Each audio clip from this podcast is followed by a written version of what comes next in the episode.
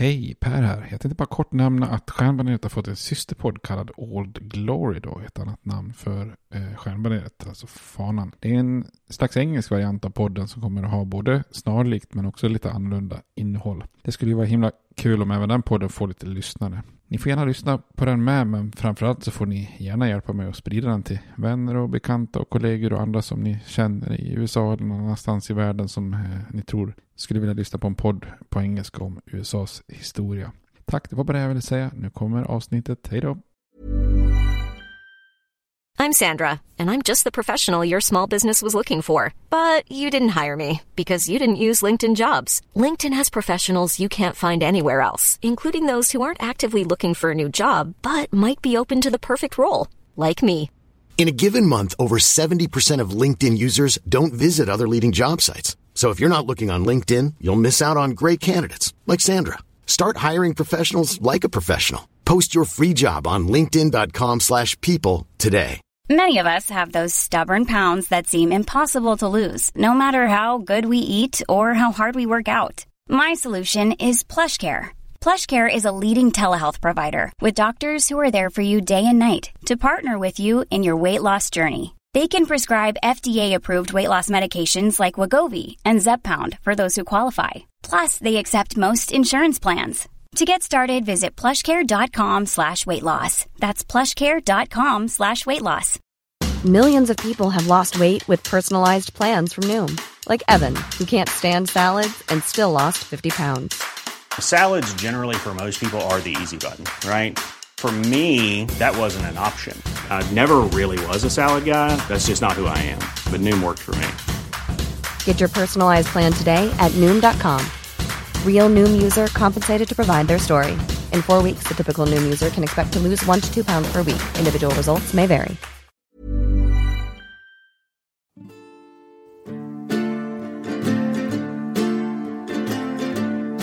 We hold these truths to be self-evident, that all men are created equal, that they are endowed by their Creator with certain unalienable rights, that among these are life, liberty, and the pursuit of happiness.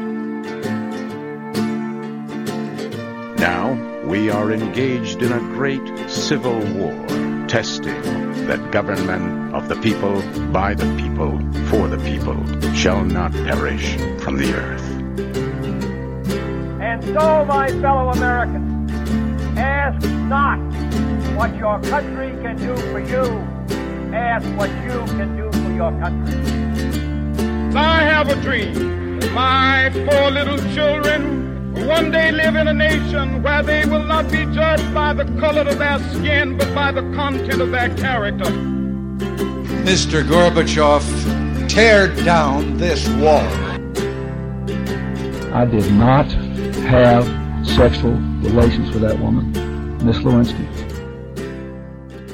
Hej allihopa och välkomna till Stjärnbaneret, en podcast om USAs historia med mig Per Fjärdingby. Där jag tänkte att jag skulle bryta av den här översiktsserien lite grann med andra ämnen och eh, det var ju väldigt länge sedan som jag slängde in någon enskild spännande historia eller händelse eller personporträtt eller någonting sånt där.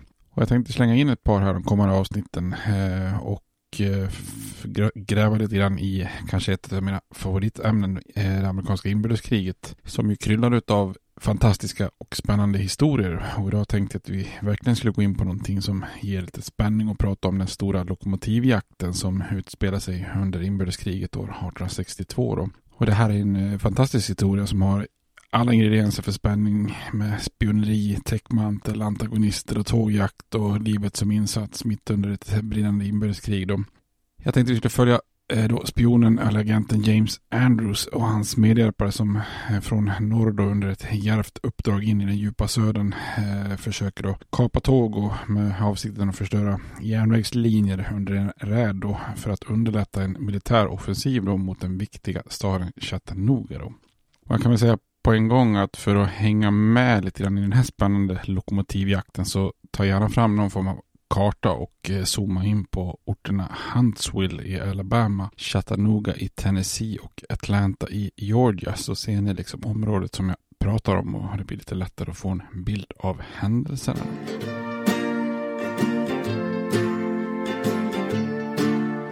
Innan vi går in på just Andrews och hans uppdrag då så får vi sätta den här händelsen i sitt rätta sammanhang då. Och det här uppdraget har ju en väldigt tydlig koppling till den militära situationen i, i väst under våren 1862 då. Man brukar ofta kalla eh, inbördeskriget, eh, alltså, eller dela upp inbördeskriget i två stycken krigsskådeplatser. Den i, i öst eh, eh där man opererar mellan huvudstäderna och den stora krigsskådeplatsen i väst. Då.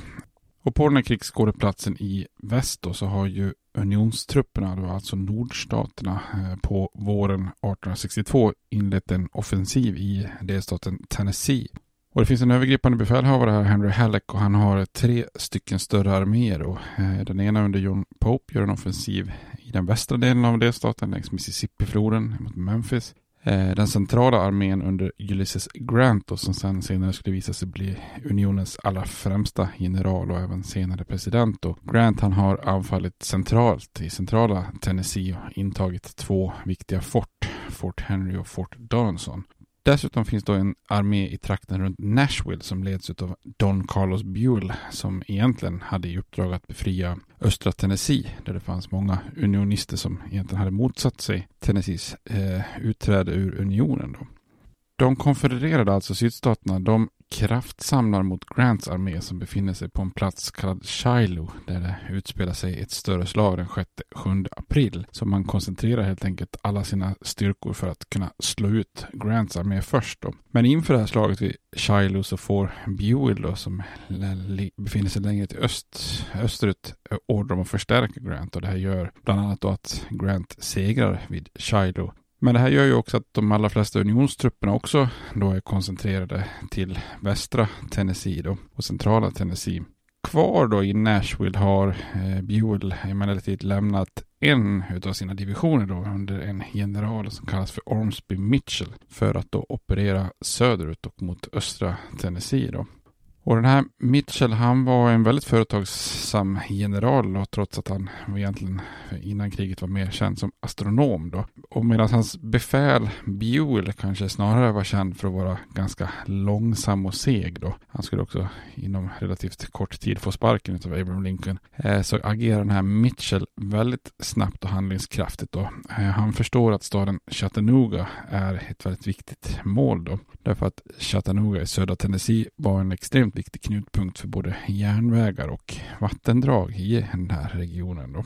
Och en av de absolut viktigaste järnvägarna i hela södern gick genom Chattanooga och eh, löpte från Memphis vid Mississippifloden i väster och eh, ganska rakt österut till just Chattanooga. Där delade den sig och gick både då i en nordöstlig riktning mot staden Knoxville i östra Tennessee men också söderut till den viktiga storstaden Atlanta i Georgia. För att då från Atlanta fortsätta österut i sin tur då till eh, Atlantkusten och Charleston i South Carolina då som ligger vid Atlantkusten. Och det här är ju då en järnväg som, som sträcker sig i princip över hela södern och kunde den här järnvägen kapas mellan Chattanooga och Atlanta så skulle det vara ett väldigt svårt slag mot konfederationen och dess logistik då som den enda egentliga länken hela vägen mellan öst och väst. Då. Så den här Orms Mitchells plan det var ju att från Nashville göra en offensiv ner till järnvägen vid Huntsville i norra Alabama. Alltså rakt söderut och därefter följa järnvägen österut med målet att inta den här viktiga staden Chattanooga. Då för att kunna inta staden, staden Chattanooga då, så skulle det i så fall vara till en enorm hjälp för Mitchell om järnvägen söder om Chattanooga kapas. Eh, det skulle ju då försvåra väldigt mycket för fienden att skicka förstärkningar från Atlanta söderifrån då för att stoppa honom. Eh, tittar man på Chattanooga då så skulle ju om staden föll i unionens händer så skulle den både öppna upp och befria östra Tennessee då. Och den här, det var ju en eh, delstat som hade varit den sista att lämna unionen. Den här bergiga regionen i öst, där fanns ju extremt många unionister. Så det här var ju ett extremt viktigt mål då för president Lincoln som var väldigt ivrig att återerövra det här området. Då. Så ungefär samtidigt som det här slaget vid Shiloh utspelar sig i början av april då i centrala Tennessee så sätter Mitchell fart söderut eh, och den 11 april 1862 så kunde han efter en ganska snabb offensiv söderut eh, erövra staden Huntsville då, som låg då längs med den här järnvägslinjen mellan Memphis och Chattanooga. Då. Och det här gjorde ju att konfederationen hamnar i en väldigt svår situation då med sin militära tyngdpunkt längre västerut då. Eh, och så då var ju den här viktiga staden Chattanooga väldigt sårbar då. De hade inte alls räknat med att någon unionsstyrka skulle hota den då. Minst av allt en enda liten ynklig division då från Buells i övrigt väldigt försiktiga armé då. Och det är ju då mot den här bakgrunden som James Andrews berömda eh, räd utspelar sig som, som leder till det här eh, lokomotivjakten då. Och tittar man varför blir det då en lokomotivjakt och vad, vad själva målet med Andrews räd var ju att förstöra järnvägen. Och då kan man fundera på lite vad, varför det då. Och det är ju så att järnvägar var ju en relativt ny företeelse i USA vid den här tiden. Eh, de kom ju till på 1830 och 40-talet och blev ju snabbt väldigt viktiga för logistiken i USA. Då. Det är ju en riktig, riktig järnvägsexplosion kan man säga. Då. Och redan 1861 när inbördeskriget bryter ut så var ju järnvägar själva naven i transportsystemet och speciellt i nordstaterna då.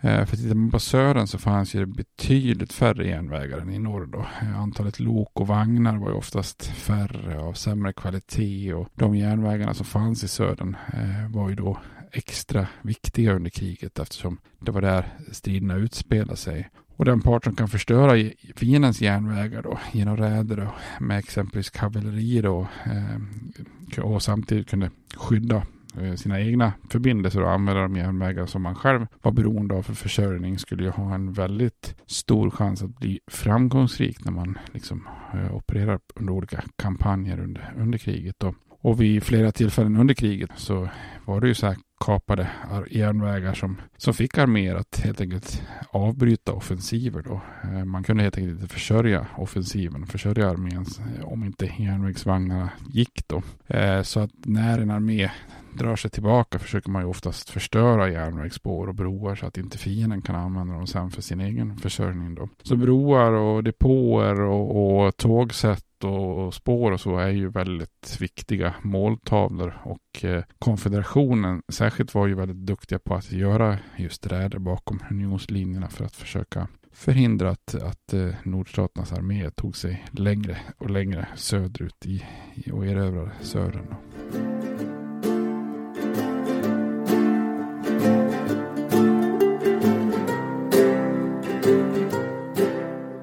Det är ju då i den här militära situationen med strategiska järnvägar och den här offensiven av Hornsby Mitchell då mot Chattanooga som eh, James Andrews kommer, kommer in då. Andrews var ju en eh, väldigt karismatisk och intelligent man som ägnade sig åt en rad yrken innan krigen, innan, eller innan kriget. Eh, han var ursprungligen från Kentucky som ju är otroligt splittrad delstat under kriget. Och det är ju en slavstat men samtidigt så lämnade delstaten aldrig unionen utan förblev en del av eh, unionen då, eller nordstaterna. Och i början av kriget så var delstaten så splittrad att man faktiskt till och med försökte vara neutral då, mellan de båda sidorna. Andrews själv verkar också ha varit en ganska splittrad man då. Eh, eller så var han bara en klassisk legoknäkt som tjänstgjorde där, där det betalades bäst. Då. I början av kriget hade Andrews smugglat, smugglat medicin från norr till södern. Då. Eh, enligt honom själv senare då för att skapa trovärdighet så var det här för att han då helt enkelt ville bygga upp en slags falsk tillit eh, i södern som skulle kunna gynna hans spionkarriär i norr då så att säga.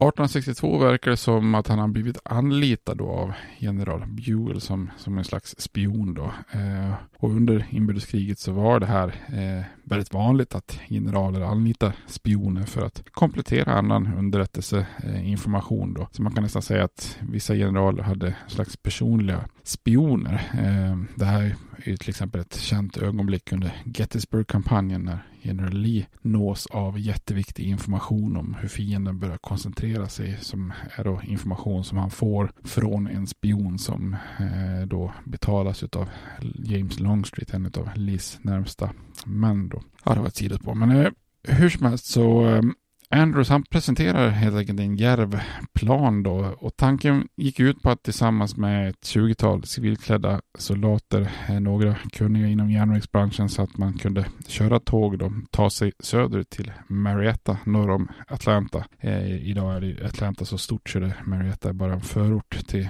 till dagens Atlanta då, men då var det en liten egen ort norr om Atlanta. Och då tänker sig Andrew att där ska man kunna kapa ett tåg och köra norrut samtidigt som man då förstör spår och broar. Eh, så att man saboterar den här järnvägen mellan Chattanooga och Atlanta när man eh, då tar sig successivt norrut tillbaks mot Chattanooga. Då. Och redan i mars samma år hade Andrews presenterat en liknande plan för Buell och då hade han tagit sig söderut med åtta män för att möta upp en lokförare i Atlanta som var villig att eh, förråda södern då. Men den planen hade gått i stöpet eftersom tågföraren hade helt enkelt beordrats till en annan linje. Eh, tågförare var ju eh, undantagna militärtjänst i södern eftersom de var så få och var en så kritisk resurs. Eh, så den här tågföraren dök aldrig upp och, och därför frågade jag Anders om någon av de andra männen eh, kunde köra tåg men alla inklusive honom själv saknade den kompetensen så då fick man helt enkelt avbryta operationen då. Mitchell tycks ju ha gett Andrews då i uppdrag att göra ett nytt försök i april då, i anslutning till, till hans offensiv då i Huntsville, eller mot Huntsville. Eh, om Andrews och hans konspiratörer kunde förstöra tillräckligt många broar, eh, järnvägsspår och telegraflinjer på den här sträckan då från Chattanooga, eh, och mellan Chattanooga och Atlanta så skulle ju då Chattanooga isoleras från information och förstärkningar. Och kunde den isoleras tillräckligt länge då så skulle det kunna underlätta för Mitchell att erövra Chattanooga. Då. Den här planen korrigeras något då. Eh, den här gången skulle konspiratörerna vara över 20 män och tre av dem då för att säkra upp skulle ha kunskap om hur man kör ett tåg så att man inte stod och föll med någon utomstående tågförare som i det misslyckade fallet innan då. Styrkan som tog sig söderut bestod förutom av Andrews själv då, av ytterligare en civil kollega, William Campbell och eh, även då 22 frivilliga soldater från Ohio från Mitchells division då, som helt enkelt fick byta sina uniformer mot civila kläder. Och att de var frivilliga var ju väldigt viktigt eftersom ett sånt här uppdrag var, var ju att riskera livet. För samtidigt visste de ju att om de avslöjas eller tillfångatogs i södern så skulle de ju arresteras som spioner och inte soldater när man då har privata kläder och ska sabotera på det här viset. Då. Och då har man ju inte samma rättigheter som man hade som, som en fiendesoldat. Då. Så med största sannolikheten skulle utgången då vara att man döms till döden och avrättas snarare än att man sätts i ett eh, militärfängelse. Den 7 april, samtidigt som eh, slaget i Shiloh då rasar längre västerut, eh, samlar ju då Andrews de 24 männen och gick igenom planen Tanken var att man skulle färdas söderut i mindre grupper på två, tre man för att inte väcka så stor misstänksamhet. Och, och på orten Marietta då strax norr om Atlanta skulle de göra en övernattning och sen återsamlas den 10 april. Därifrån skulle de kapa ett tåg och återvända norrut då, samtidigt som de skulle göra så stor skada de kunde längs med järnvägen norrut. Då. Om någon frågar dem vad de hade för ärende på vägen söderut så skulle männen säga att de var från Kentucky och var på väg att ta värvning i den konfedererade armén i Atlanta. Då. Det här är ju en halvbra täckmantel på ett sätt då, då de egentligen inte behövde åka riktigt så långt söderut för att ta värvning, men det fick ändå duga då så att säga. Eh, om någon tvingades ta värvning tidigare fick man helt enkelt bara göra det och sen försöka desertera vid första bästa tillfället och återvända norrut då, även om det var riskabelt i sig. Då. För två av Andrews män blev faktiskt det här eh, deras öde då. De stoppades på vägen eh, söderut eh, av konfedererade vaktposter och när de här fick höra att männen var på väg för att ta värvning så slussades de istället iväg direkt till ett militärläger eh, längre norrut. Då. Eh, de behövde liksom inte åka så långt tyckte de för att ta värvning. Då. Eh, ironiskt nog så var de senare med i konfedererade artillerienheter som sedan försvarades av den Chattanooga och samma stad som de egentligen var ute efter att se falla då, eller hjälpa till att den skulle falla då för Mitchells trupper. Då. Så för deras del så blev det ju det här ett eh, lite udda öde då. Eh, åtminstone en av dem lyckades senare desertera och återvända norrut då. Eh, övriga 22 män lyckades ju då otroligt nog i alla fall med bedriften att ta sig hela vägen ner till Marietta utan att få sin täckmantel synad då. Så så långt så fungerade planen ganska bra då. Bara eh, två av 24 män tvingas avvika från planen då.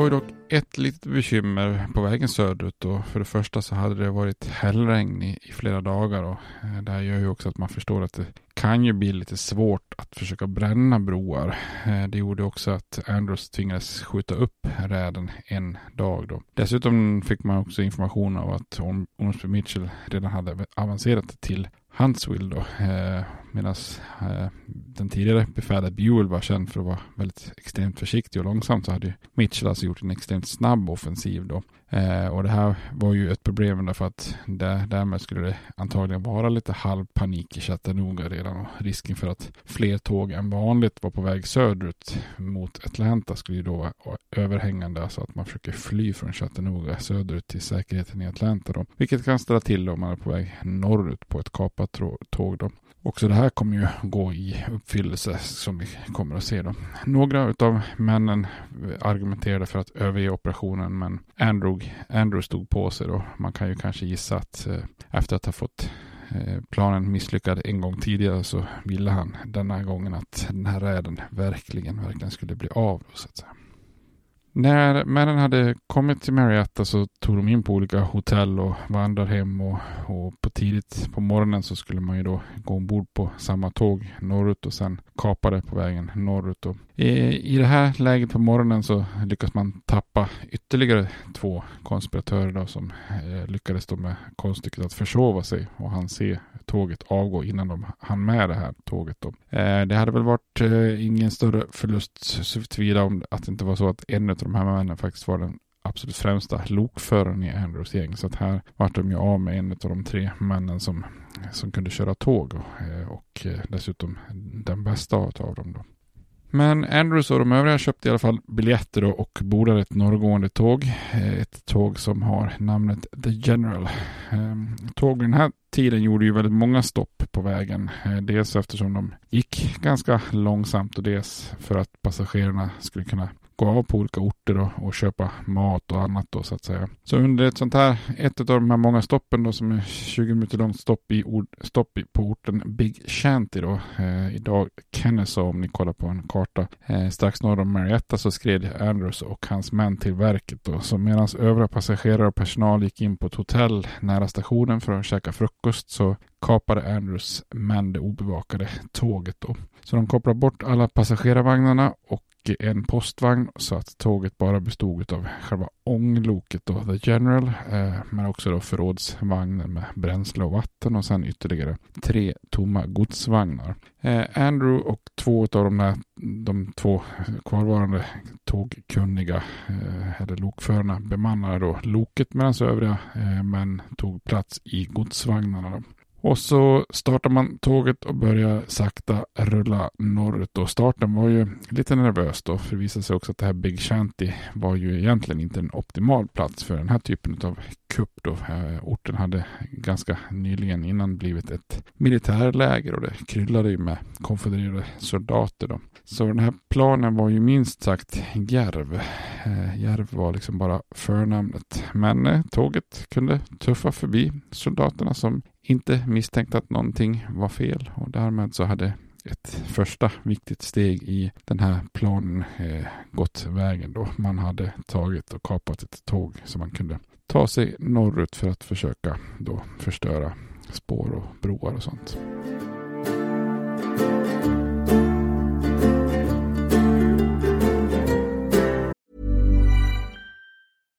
Many of us have those stubborn pounds that seem impossible to lose, no matter how good we eat or how hard we work out. My solution is PlushCare. PlushCare is a leading telehealth provider with doctors who are there for you day and night to partner with you in your weight loss journey. They can prescribe FDA-approved weight loss medications like Wagovi and Zepbound for those who qualify. Plus, they accept most insurance plans. To get started, visit plushcare.com slash weight loss. That's plushcare.com slash weight loss. Hey, it's Ryan Reynolds, and I'm here with Keith, co-star of my upcoming film, If, only in theaters May 17th. Do you want to tell people the big news? All right, I'll do it. Sign up now and you'll get unlimited for $15 a month in six months of Paramount Plus Essential Plan on us. Mintmobile.com slash switch. Upfront payment of $45 equivalent to $15 per month. Unlimited over 40 gigabytes per month. Face lower speeds. Videos at 480p. Active Mint customers by 531.24 get six months of Paramount Plus Essential Plan. Auto renews after six months. Offer ends May 31st, 2024. Separate Paramount Plus registration required. Terms and conditions apply if rated PG.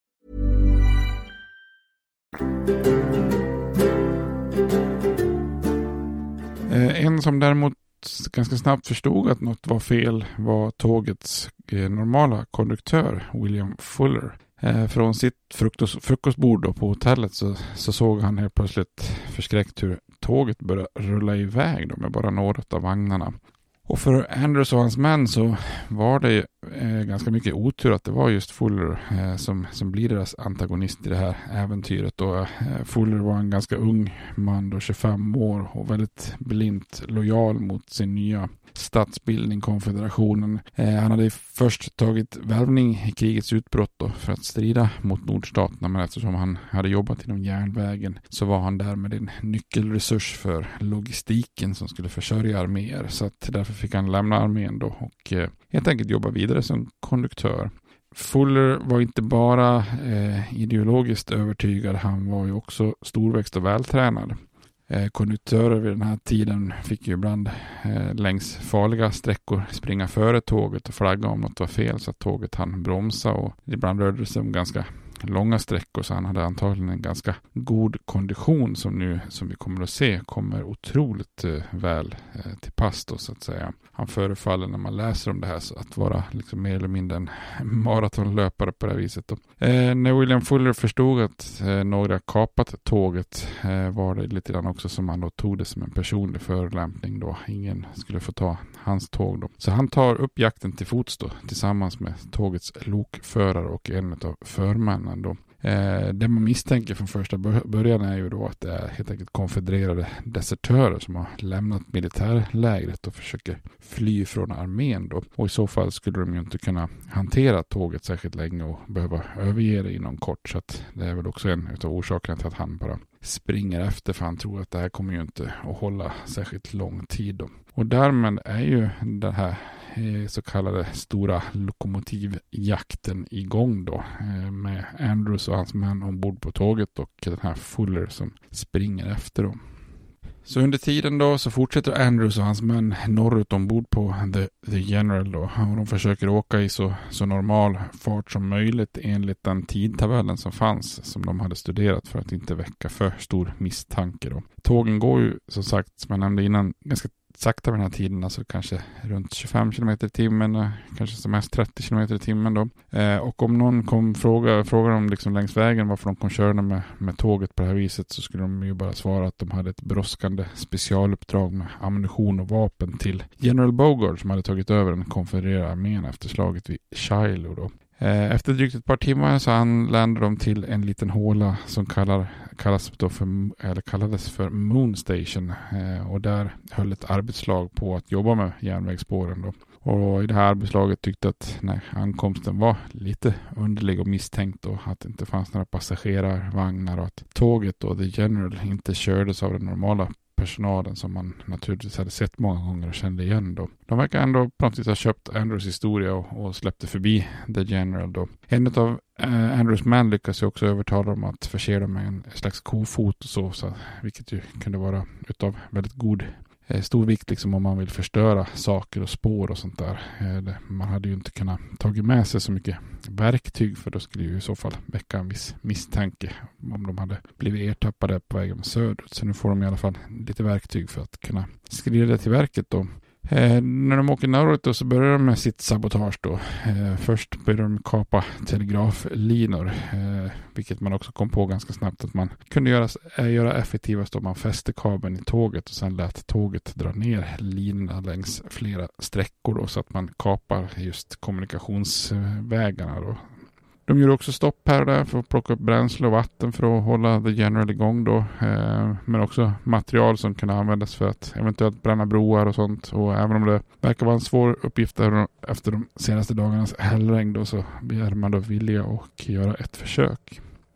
Fuller då, som eh, under tiden hade sprungit ifrån sina två följeslagare då, anledde anlände sen andfådd till den här Moon Station en stund senare då. Eh, och det här arbetslaget eh, berättar då att männen på The General hade passerat en halvtimme tidigare. Så då förstår man ju såklart att tåget har gått, går ganska sakta vid den här tiden eftersom han inte har tappat så enormt på eh, Andrews och hans kumpaner. Då. Samtidigt så kunde de ju då förse Fuller med en dressin, en pumpdressin då. Alltså ni vet en sån här klassisk som platta med fyra hjul och en sån här pump med handtag i två ändar som gör att man kan pumpa sig fram då och åka på tågspåren. Så Fuller han pumpade sig först söderut då för att eh, då hämta upp sina två eh, följeslagare som hade, inte hade sprungit lika fort som honom då, så att de kan ansluta sig. Och därefter så pumpar de så här tre männen sig norrut då i jakten på Andrews och eh, The General. Eftersom Fuller kände till sträckan eh, som han jobbat på eh, då så visste han att vid orten Coopers Ironworks en bit norrut fanns ett, ett ånglok vid namn Jonah då, som man kanske skulle kunna använda. De kunde också se att de här tågkaparna hade förstört telegraflinjer och då förstår Fuller och hans följeslagare att det här antagligen inte är några konfedererade soldater som deserterat utan att det antagligen måste vara någon form av spioner eller sabotörer från norr som, som man faktiskt då jagar. När Andrew, Andrew och hans män kom till orten Etowa så stod de inför ett ganska viktigt beslut. Då, för på en av avkrokarna från tågspåren här så fanns just det här Cooper Ironworks med, med det här loket Jonah. Då. I normala fall så hade ju Andrews eh, bara kunnat förstört en, förstört en bro då, som hade gjort det omöjligt för att föra ut det här Jonah från avkroken ut till järnvägslinjen då. Men eftersom det regnat så, så mycket så var det ju högst osäkert om det om man skulle kunna få träbroar att brinna då. Eh, så därför väljer de att inte stanna och förstöra det här Jona eh, och riskera att man kanske hamnar i någon form av eldstrid med de som jobbar på den här depån. Då. Eh, så att de väljer helt enkelt att åka förbi då. Men det här gör ju också att man inte förstörde Jona och då riskerar han ju då att det här kan, loket kan användas för att jaga dem istället då. Eh, så Andrews han eh, vill inte väcka så stor uppmärksamhet utan väljer att bara passera där. Då. Och dittills så hade ju deras påhittade historia ändå fungerat då. De här isolerade stationsvärdarna man passerade hade dittills trott på historien om militär utrustning och och de fick ingen information från söderut, söderifrån då eftersom telegrafen var förstört om att de skulle stoppa loket då. Andrews ville ju också hålla tabellen för att också kunna ha lite koll på eventuella mötande tåg. Och just det här med tabellen och mötande tåg var en fråga som blev aktuell när man nådde orten Kingston. Då. Andrews hade ju studerat tidtabellen och visste att man skulle behöva stanna där på ett sidospår för att släppa förbi ett södergående tåg. Då.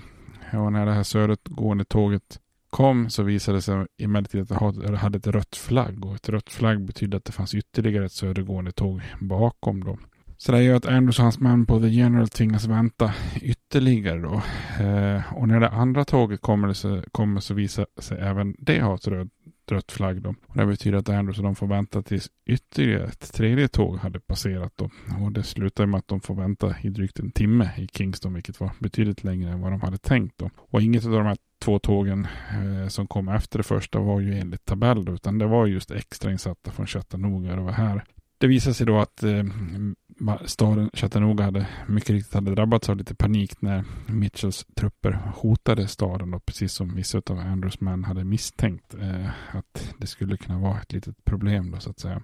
Så det här gjorde ju Andrewsman man eh, försenade och i väntan i Kingston var ju nervöst och lokalborna började ställa lite misstänksamma frågor mot de här främlingarna ombord på tåg utan ordinarie personal som hävdar att de då är på ett specialuppdrag. Då. Det gick så långt att Andrews signalerade till de här 16 männen som satt ihop kurrade i en godsvagn att vara redo att strida när som helst. Men till slut så behövde de då utan kan äntligen starta norrut igen då. Eh, men när de ska göra det så vägrar en operatör att bemanna växeln och härdar sig själv gå ut och växla spår. Och det här väg ökade även på misstänksamheten då. Så de förstår att det är nog bara en tidsfråga innan deras täckmantel är på väg att avslöjas då. Så det här uppdraget som börjat så bra börjar nu så sakta bli lite problematiskt då. För under tiden hade ju också Fuller tagit upp jakten då på det här ånglåket Jona, eh, Ett gammalt långsamt lok då. Men eftersom Andrews och de hade gjort, fått gjort ett ganska långt stopp så gjorde att han nästan hann ikapp det här försprånget. Så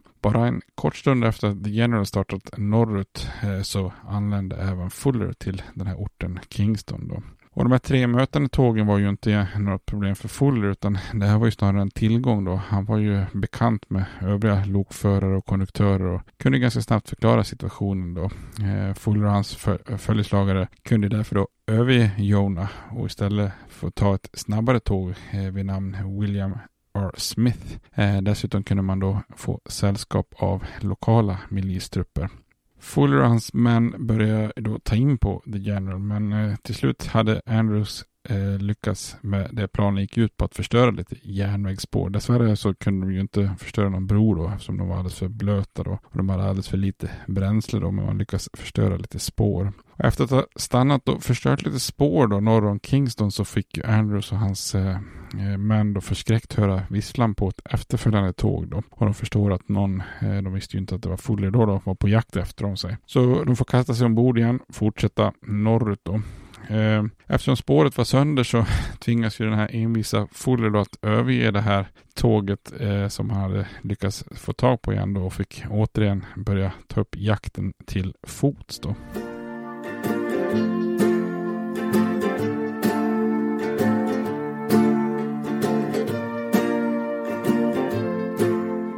När Andrews och hans män kom fram till orten Daresville så mötte de ju ytterligare ett södergående tåg, eh, ång, ett ånglok då vid namn Texas som var av en liknande modell som The General då. Andrews lyckas övertala personalen på Texas att deras uppdrag till General Bogard då, alltså det fejkade uppdraget var brådskande och fick Texas att parkera på ett sidospår så att The General kunde passera då. Eh, och Andrews hade återigen då fattat ett väldigt avgörande beslut och han kunde såklart försökt att förstöra även Texas då. Men eh, då hade han ju också riskerat strider och, och också definitivt avslöjat sitt uppdrag. Så han chansade att låta Texas eh, passera då. Men på väg söderut så stoppas ju naturligtvis Texas av Fuller då som kommer springande till fots och förklara sitt uppdrag. Eh, och det här gör att man då kopplar bort alla passagerar och fraktvagnar och eh, tar över tåget för att ta upp jakten norrut då. De lyckades inte vända ångloket. Eh, så det här gör ju att eh, resten av jakten så får man helt enkelt köra Texas baklänges, alltså backa.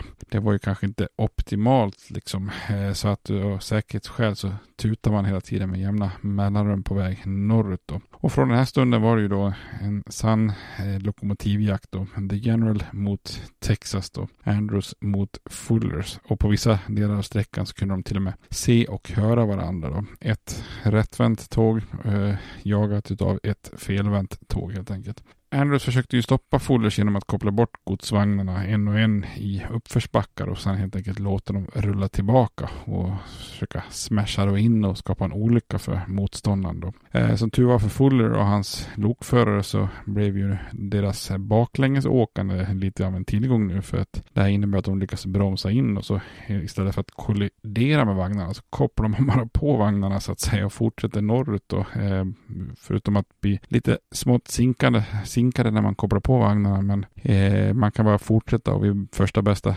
sidospår så kopplar man bara bort godsvagnarna igen och fortsätter utan, utan dem då helt enkelt. Eh, det är ju också lite oklart beroende på vilka källor man läser men det förefaller också som att Andrews lyckas sätta eld på en vagn eh, och skicka den bakåt efter The Texas då. Men eh, det verkar som inte det heller gjorde någon större skada då. Andrews män försökte också slänga ut ett antal sleepers, sådana här träsyllar eh, som spåren ligger över och fästs i så att säga. Men eh, det är också väldigt svårt från ett rullande tåg att kasta ut de här så att de stannar kvar på spåren och, och blev, blev ett hinder då. Så Fuller och hans följeslagare kunde ganska enkelt hoppa av och ta bort de som lyckades träffa spåren och låg i vägen då.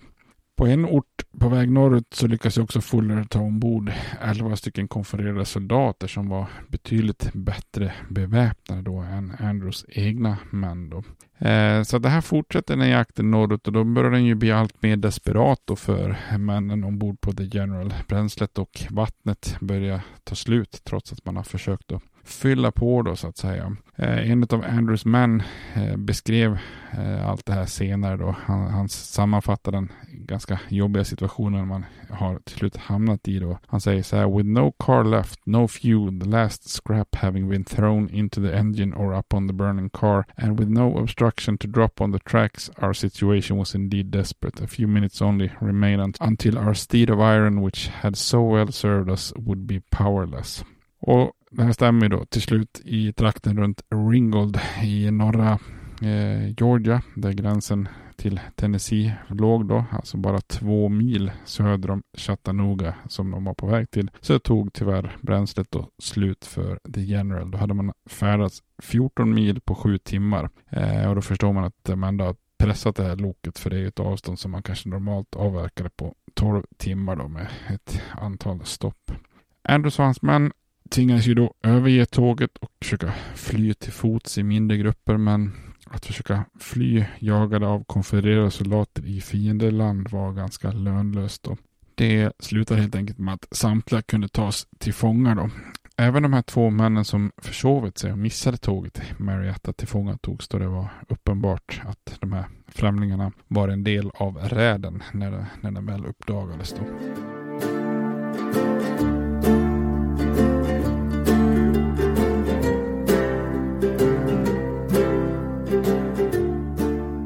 Ironiskt nog så fördes de till fängelse i Atlanta eh, ombord på vagnar som drogs av just The General som de hade kapat. Så det var ju lite ironiskt kanske. Andrew som varit hjärnan bakom kuppen då eh, dömdes eh, trots att han var civil eh, i en militärdomstol till döden då. Han lyckades faktiskt rymma ur fängelset men fångas in och hängdes i juni 1862. Ytterligare sju av hans kumpaner dömdes till döden och hängdes. Eh, deras gravar finns än idag på en kyrkogård i Chattanooga faktiskt. Resten av männen hamnade i fängelse och eh, äventyret för de här männen som hamnade i fängelse slutar inte heller där. Eh, eftersom deras kollegor hade blivit avrättade så fanns en väldigt stor oro bland dem att också de skulle kunna riskera att gå det här ödet till mötes så var ju villiga på att chansa på en rymning då. I oktober så lyckas tio av dem rymma från fängelset efter att ha tagit nycklarna från en, vakt. Då. Och de valde att fly i mindre grupper, två och två, för att minska risken att alla tillfångatogs. Och det visade sig att sex av de här tio faktiskt lyckas nå nordstaterna och säkerheten. Då.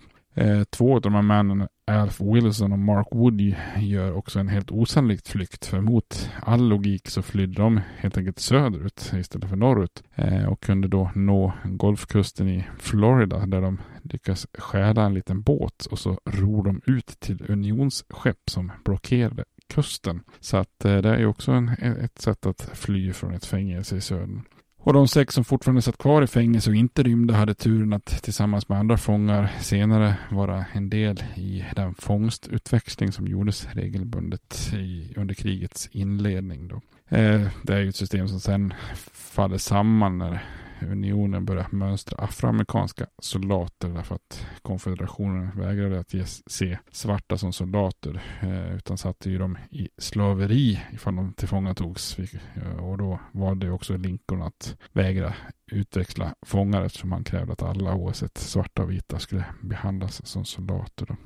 De av Andrews band som överlevde räden skulle senare få hedersmedaljer av den federala staten och det här är också lite spännande kopplat till äventyret eftersom hedersmedaljer var någonting nytt som nordstaterna införde för att höja moralen i, i armén då. Tidigare hade aldrig det här systemet med hedersmedaljer funnits. Då. Så Andrews män är faktiskt de första att få sådana här medaljer eh, som de då fick av president Lincoln i mars 1863 på en ceremoni i Washington. Då. Och det låg en väldigt stor ära i att få en hedersmedalj. Det blir snabbt ett väldigt populärt eh, Eh, program då. Eh, väldigt många böcker till exempel om man läser om inbördeskrigets olika slag är ju väldigt noga med att kanske i fotnot och sånt där ange vilka soldater som får hedersmedalj efter att det hade införts 1862. Då. Tanken var ju också att det skulle vara ett temporärt system men som ni säkert vet så levde det kvar och gäller än idag. Då. Konfederationen införde ju aldrig något liknande system då men eh, Fullers och hans följeslagare fick ändå ett ordentligt tack från Georgias lagstiftande församling och det kan de väl vara värda efter en insatsen de gjorde så att säga.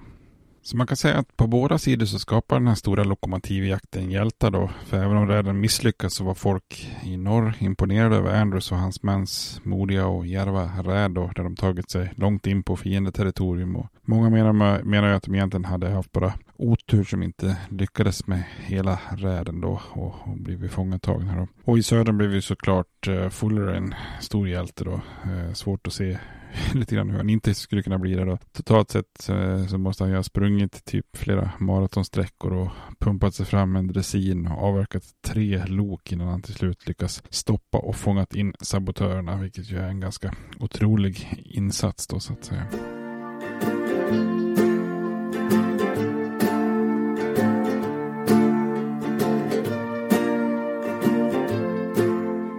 Men om man knyter tillbaka till början av avsnittet då, hur, hur kopplar det här an till den större bilden då med den här offensiven mot Chattanooga då utav unionstrupper ledda utav Ormsby Mitchell då. Jo, i slutändan så misslyckades ju räden eh, att stoppa konfedererade eh, enheter från att skynda norrut till Chattanooga med förstärkningar då. Och även om den här general Mitchell befann sig i regionen en period och hotade Chattanooga från väst så, så lyckades han till slut inte varken erövra då eh, Chattanooga eller befria östra Tennessee som Lincoln hade hoppats på. Så till slut tvingas han egentligen dra sig tillbaka då. Eh, med facit i hand så hade ju historien om inbördeskriget verkligen kunnat se annorlunda ut om Andrews räd lyckats bättre och Mitchell hade erövrat Chattanooga eh, redan här våren 1862. Eh, för med facit i hand så skulle det dröja ända fram till november 1863 då, alltså ett och ett halvt år senare innan slutligen då general Grant lyckas koppla greppet om Chattanooga i ett eh, spännande fältslag som varade över tre dagar. Och därefter så kunde han ju i sin tur släppa iväg general William Sherman på en eh, kampanj söderut och erövra Atlanta. Eh, alltså egentligen en kampanj som gick längs med samma järnvägsspår som eh, den här räden av Andrews hade, hade gjort. Då. Han, Sherman försörjer ju sin armé på just den järnvägen på väg mot Atlanta. Då. Och det är ju efter att Sherman har erövrat Atlanta som han sen genomför sin eh, berömda marsch från Atlanta ut till havet och erövrar Savannah på Georgias kust. Eh, där han verkligen kapar eller inte ens är beroende av järnväg utan försörjer sig på, på landet. Då. Och det är ju faktiskt så att det är förlusten av Chattanooga och Atlanta här 1863-1864 då som, som är på något vis början på slutet för konfederationen. Eh, det är ju egentligen då det verkligen blir problematiskt med logistik och försörjning eh, på allvar och där man visar sin överlägsenhet i unionsarméerna. Då. Som en facit i hand så hade ju Mitchell och Andrews varit någonting på spåret när de satte sin plan i verket. Då. Eh, det som leder fram till den här spännande lokomotivjakten. Då. faktiskt inte tanken var ju fyndigt att de är något på spåren när man pratar eh, tåg. Då. Minnena från den här stora lokomotivjakten lever ju också kvar än idag. Då. Man kan faktiskt eh, titta på båda loken då, The General och Texas som finns att beskåda på museum om man vill. Eh, och den här stora lokomotivjakten var ju naturligtvis ett äventyr som var, verkligen var gjort för att bli film då. En tågjakt innan det ens liksom fanns rafflande biljakter. Det är ju som gjort för att göra film. Eh, så redan 1926 eh, under stumfilmseran så gjordes en film kallad The General då med Buster Keaton i huvudrollen då. Eh, det räknas idag som en av de absolut största filmerna i USAs historia faktiskt. Och Buster Keaton är ju en fascinerande eh, stumfilmsskådis som, som ju gör sina egna stunttricks. Så att eh, på, på ett sätt som är helt eh, banbrytande faktiskt. För nästan Jackie Chan och, och Tom Cruise att blekna när man vet vad, vad han gör för någonting eh, utan något som helst skyddsnät eller skyddslinor eller någonting så att säga. Så sök på det på nätet också om du vill. Men hur som helst, Buster Keaton då i, i en film kallad The General som ju då vart väldigt stor. 1956 gjorde också Disney en film som kallas just för The Great Locomotive Chase. Eh, och det finns en ort strax norr om Marietta och Atlanta då, som anordnar än idag en festival till minne av den här stora lokomotivjakten. Då. Så det var ju en rafflande och spännande händelse under inbördeskriget. Jag hoppas att ni har tyckt att det har varit ett spännande äventyr att lyssna på. Då. Eh, I nästa avsnitt tänkte jag att vi skulle göra eh, ytterligare ett sånt här spännande äventyr när vi ska prata om en annan historia från inbördeskriget som, som är minst lika spännande och rafflande. Men eh, jag tänkte inte avslöja vad det är förrän vi kommer dit. Tills dess så får ni ha det bra. Hej då! States like these and their terrorist allies constitute an axis of evil. And if the hippies and the yippies and the disruptors of the systems that Washington and Lincoln as presidents brought forth in this country will shut up and work within our free system of government, I will lower my voice.